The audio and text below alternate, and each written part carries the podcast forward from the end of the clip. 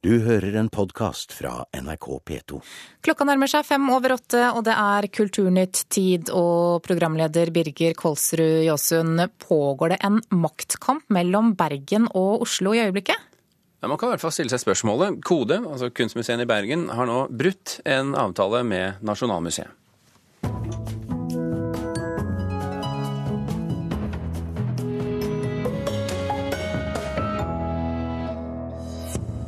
Livsfrisen til Edvard Munch blir ikke samlet i Oslo til 150-årsjubileet likevel. To bilder tåler ikke transporten fra Bergen til Oslo. Nytt nordisk teatersamarbeid tar roadmovien til scenen. For folk som ikke liker å se på teater, de blir lurt her, da. Vi lurer dem til å like teater også. Og kultur skal bli en viktig del av OL, dersom OL får vinterlekene i 2022. Nå vil OL-komiteen ha hjelp til å fylle kulturprogrammet. Du hører på Kulturnytt med Birger Kålsrud Jåsund i studio. Skjøre bilder gjør at Munchs eh, verksserie Livsfrisen ikke blir samlet til 150-årsjubileet i Oslo likevel.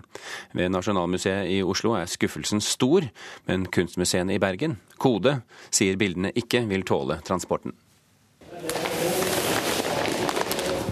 Og så skal den eh, bare sentreres, rett og slett. Munch-bildene har nettopp kommet til Bergen igjen, etter å ha vært utstilt i Danmark. Nå pakkes de ut og skal henges opp. På lørdag åpner kunstmuseene i Bergen en ny og permanent Munch-utstilling. I utgangspunktet skulle dette vært lånt til, eh, til Oslo Nasjonalmuseum. Erlend Høiersten, direktør for Kode, kunstmuseene i Bergen, står foran bildet 'Sjalusi'. Dessverre så måtte vi velge å holde det tilbake pga. den tekniske standarden eh, i, i, bildet. Kommer man litt nærmere her og, og, og eh, tar lerretet nærmere så ser man skjørheten med det blotte øyet. Det, det, man er redd for her, det er jo nettopp at, at malingen ytterligere skal begynne å flasse av. Bildet viser en mann som er gulhvit i ansiktet av sjalusi, og ei kvinne med en rød kjole som er lykkelig forelska i mannen ved siden av. Sjalusi og kvinne i tre stadier er en del av Munchs sentrale verkserie Livsfrisen.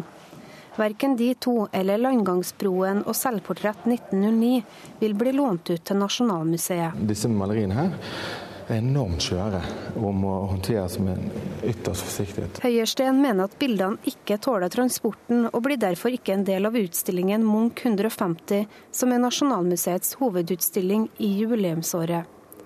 Audun Eckhoff, direktør for Nasjonalmuseet, er ikke fornøyd. Ja, Det er synd at vi ikke får de tre bildene, av tekniske grunner.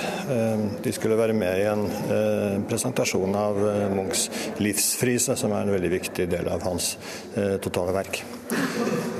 Når de ikke kommer, så er naturligvis det uheldig. Kunstmuseene i Bergen og Nasjonalmuseet skal ha inngått en avtale om utlån av bildene for en tid tilbake. Nei, Vi var ikke tilfreds med det, naturligvis. Det er ingen som ønsker at man ikke får de bildene man søker om, men, men i dette tilfellet hadde vi jo en avtale, naturligvis. Men sånn er det. Harald Enerud, kunstformidler og ekspert på Munch, sier at Livsfrisen i sin helhet ville vært en publikumsmagnet. For verkserien er den viktigste i kunstnerens karriere. I 1889 så, så var det starten på hans livsverk, da, som han holdt på med hele livet. Og han gjentok en del av disse motivene også utover på 1900-tallet. Og selve motivene i livsfrisen de er ladet med en eksistensiell uro, angst og frykt og ensomhet men også glede og ekstase. Hvis du eh, trekker ut plasten Nå blir de fire bildene stilt ut i Bergen, og i Oslo blir ikke jubileumsutstillinga helt optimal. Tidligere ble det kjent at kunstmuseene i Bergen måtte avlyse den planlagte Asker Jorn og Edvard Munch-utstillinga, fordi Munch-museet ikke kunne låne ut sentrale verk. Høyersten avviser at dette er en takk for sist. Ingen eh, sure miner av den grunn. Så det har absolutt ingenting med, med mangel på velvilje. Det er rett og slett at uh, vi må sørge for at dette overlever også til neste generasjon. Ja, Det sa altså Erlend Høyersten, direktør for Kode, kunstmuseet i Bergen. Reporter Kaja Kristin Næss og Turi Rogne. Kulturkommentator her i NRK Agnes Moxnes. Ingen mangel på velvilje, sier Høyersten her. Skal vi tro ham på det? Tja, det er selvfølgelig Det viktigste for han er å passe på sitt eget museums mest verdifulle malerier, og ikke sørge for at det blir en fantastisk Munch-fest i Oslo. Men når det er sagt, så er det veldig uvanlig at det skjer noe sånt som dette her. Det er, det er gjort en avtale mellom disse museene, og det er en stilltiende overenskomst mellom eh, verdens museer at eh, sånt gjør man eh, ikke. Man lar ikke andre museer i stikken selv om man da konkurrerer om en Munch f.eks. Og det som skjer nå, da, er jo at på lørdag så åpner Bergen Kode. Rasmus Meyers fantastiske samling av Munch-malerier. Og da henger disse bildene på veggen i Bergen, og det er også da malerier som akkurat har vært lånt ut til eh, Danmark og det danske museet Aros. Men, men pågår det en maktkamp mellom Nasjonalmuseet i Oslo og Kode i Bergen? Det har alltid vært en maktkamp om, eh, om, Eller en kamp eh, mellom museer om hvem som har den beste Munch-samlingen. Eh, til nå så har den kampen i hovedsak pågått mellom Munch-museet og altså nasjonal, gamle Nasjonalgalleriet. Hvem har den beste samlingen, hvem har det beste skriket, osv. osv. Men nå har altså da Kode, kunstmuseene i Bergen ved Erlend Høiersten, meldt seg på i denne kampen. Han skriver på museets hjemmesider at eh, Bergen har den viktigste Munch-samlingen, og legger til eh, sett med kunsthistorikeres eh, øyne. Så jeg tror nok, hvis man leser Erlend Høiersten, og ikke trenger ikke være så, gå så veldig tett innpå han heller, for å skjønne at han syns at Oslo har vært utrolig arrogante. Han, da Kulturdepartementet for en del år siden bestemte seg for at man skulle feire at det er 150 år siden Munch ble født, så spurte de Munch-museet og Nasjonalmuseet om å stå for dette jubileet. Og glemte Bergen. Og nå lages det også en større bok om Munch. Og da er altså ikke kompetansen man har i Bergen blitt etterspurt. Og dette merker man seg i Bergen. Ja, Er de såre, vil du si? Og, og, og, i så fall har de gode grunner til det? Jeg såret dette her. De, et av bildene som nå ikke blir vist eh, på, eh, under den store utstillingen i Oslo, er jo sjalusi. Det blir i Bergen. Men dette her er ikke styrt av Ettersom du spør om sårhet og sånne følelser, så er det egentlig ikke tenker jeg, styrt av sjalusiens liksom, usikkerhet og frykt og engstelse. Tvert imot så er det styrt av et, et bergensk kulturliv som nå er eh, utrolig rake i ryggen, selvsikre, eh, og vil vise at eh, de er på banen. For Nasjonalmuseet, hva betyr det at disse eh, tre manglende bildene i Livsfrisen ikke kommer til Oslo? Det er et eh, prestisjetap. Når den store utstillingen åpner 2.6, eh, så er det det de har reklamert for, er at dette skal være den beste, den største, den mest komplette Munch-utstillingen noensinne. Og selve plommen i egget skulle jo være livsfrisen. Jeg tror det er et tjuetalls eh, malerier, og vi snakker jo nå her om noen av de mest berømte maleriene Munch har laget, som f.eks. Madonna, men også da 'Kvinner i tre stadier' eh, og 'Sjalusi', de to siste som da kommer til å fortsette å være i Bergen. Agnes Moxnes, takk for at du kom til oss på morgenkvisten.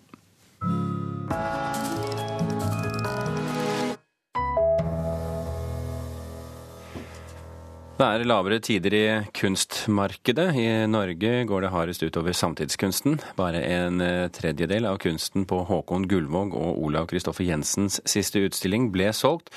2012 ble et dårlig år, men det tok seg litt opp på slutten, forteller kunsthandler Knut eh, Forsberg til Klassekampen. Nordmenn bruker heller pengene sine på oppussing og reiser, forklarer en annen kunsthandler. Veksten i antall brukere har stoppet opp for de fleste nettavisene i 2013. VG Nett er en av de få som fortsatt vokser, mens Aftenposten og TV 2 mister sine nettbrukere. Det melder Dagens Næringsliv. Sjefredaktør i Aftenposten, Hilde Haugsgjerd, mener det skyldes at leserne velger å bruke mobiltelefon fremfor PC som nyhetskanal, og at flere holder seg oppdatert via sosiale medier. Nordmenn er for ytringsfrihet, men de fleste av oss vil at trusler og oppfordring til vold skal straffes. Det viser en undersøkelse som TNS Gallup har gjort for Fritt Ord. Halvparten av de spurte vil også at partier som ønsker å avskaffe demokratiet, må forbys. 73% sier det er greit å overvåke personer med ytterliggående meninger. Dette skriver Aftenposten. Undersøkelsen legges frem i dag på verdens pressefrihetsdag.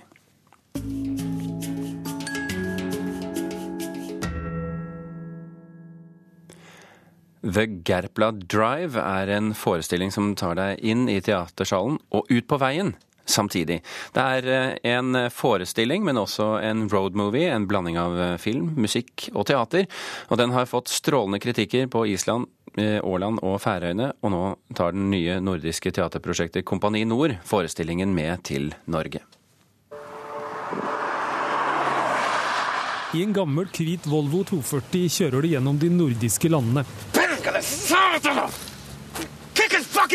Nå er finnen, islendingen og nordmannen kommet til Hamar. Ja, du kom nettopp. Du kom ett time. Man har kjørt fra Åland. så det er... Elleve timer fra, fra Kapellskjær i Stockholm. Altså. Kompani Nord er et nytt nordisk teaterprosjekt. Eller teater i og teater. Det er ikke vanlig teater. Det Det er filmteater, kan man kalle det. For det, det er en perfekt blanding av film og teater. Sier den finlandssvenske regissøren Arn Henrik Blomkvist, som står bak det nordiske samarbeidet. Resultatet er blitt The Gerpla Drive, en roadmovie som kombinerer film og teater. Really For å gjøre seg forstått i alle nordiske land spiller stykket på en slags nordisk engelsk. The play goes in English, like I talk now, men ikke liksom komplisert engelsk. Sier Jonas Kippersund, en av skuespillerne i det helnordiske teaterkompaniet. Árni Baldvinsson interesting to travel around and, and see all those places that we are visiting, and it's great. Where's that? Norway.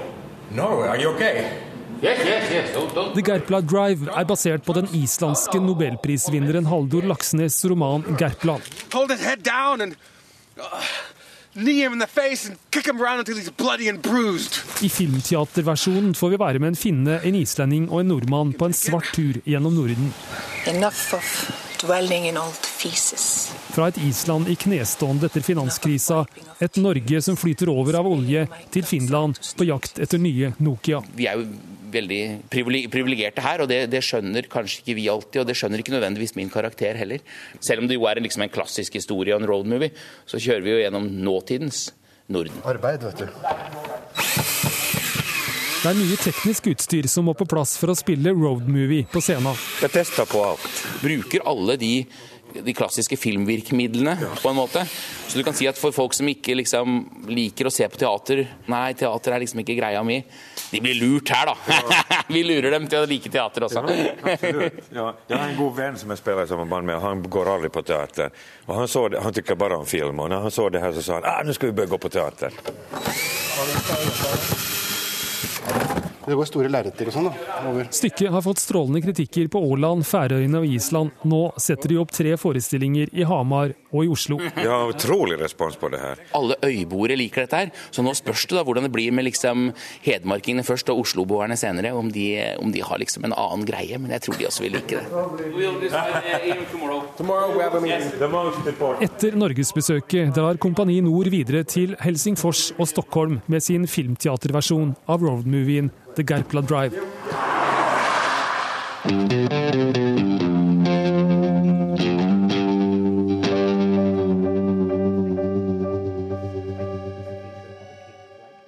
Den nordiske teatergruppa Kompani Nord spiller roadmovien The Gerpla Drive eh, i Hamar fredag og Oslo søndag. Reporter her, det var Stein S. Eide. Klokken er nå drøyt 18 minutter over åtte. Du hører på Kulturnytt, og dette er toppsaken i NRK Nyheter akkurat nå. Skattefradrag til folk i full jobb vil gjøre trygd mindre attraktivt, mener flere i Høyre. I dag starter partiets landsmøte. Og politiet Oslo jakter fortsatt på to personer som avfyrte skudd under et ran av en tekstilforretning på Hauketo i Oslo i natt. Og dersom det blir OL i Oslo i 2022, skal kultur være en viktig del av vinterlekene. Det lover OL-komiteen. I dag inviteres det til idémyldring for å få frem gode forslag til hva kulturprogrammet bør inneholde. For kultur er historisk sett en viktig del av OL. Vi ønsker nå å sette et fokus på hva kan eh, kultur bety inn i de olympiske og paralympiske leker i Oslo i 2022. Eli Grimsby har fått tittelen OL-direktør, og arbeider for fullt med å få vinter-OL til Oslo. I dag inviterer hun alle som vil til møte i Operaen for å finne ut hvilken rolle kulturen kan ha og bør spille dersom det blir OL. Welcome to London and to the games of the 30th Olympiad.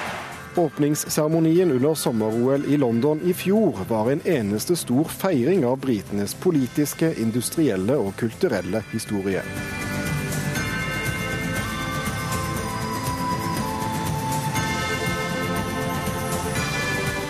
Men det var først og fremst utenfor arenaen at kulturen gjorde seg gjeldende.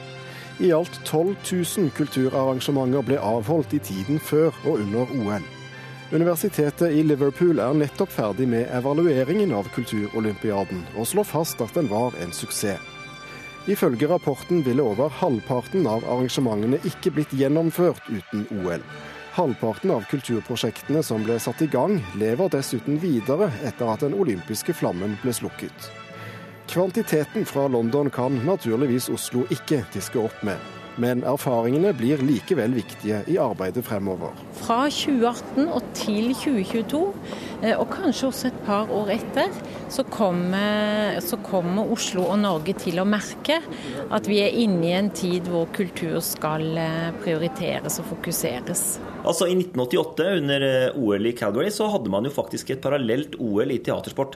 Nils Petter Mørland driver improvisasjonsteateret Det Andre Teatret i Oslo.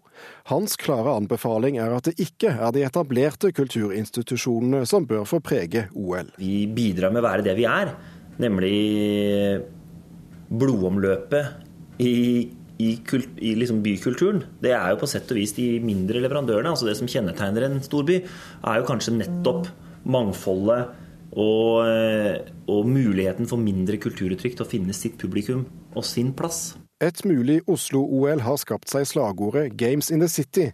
Arrangøren vil at lekene skal smelte sammen med byen.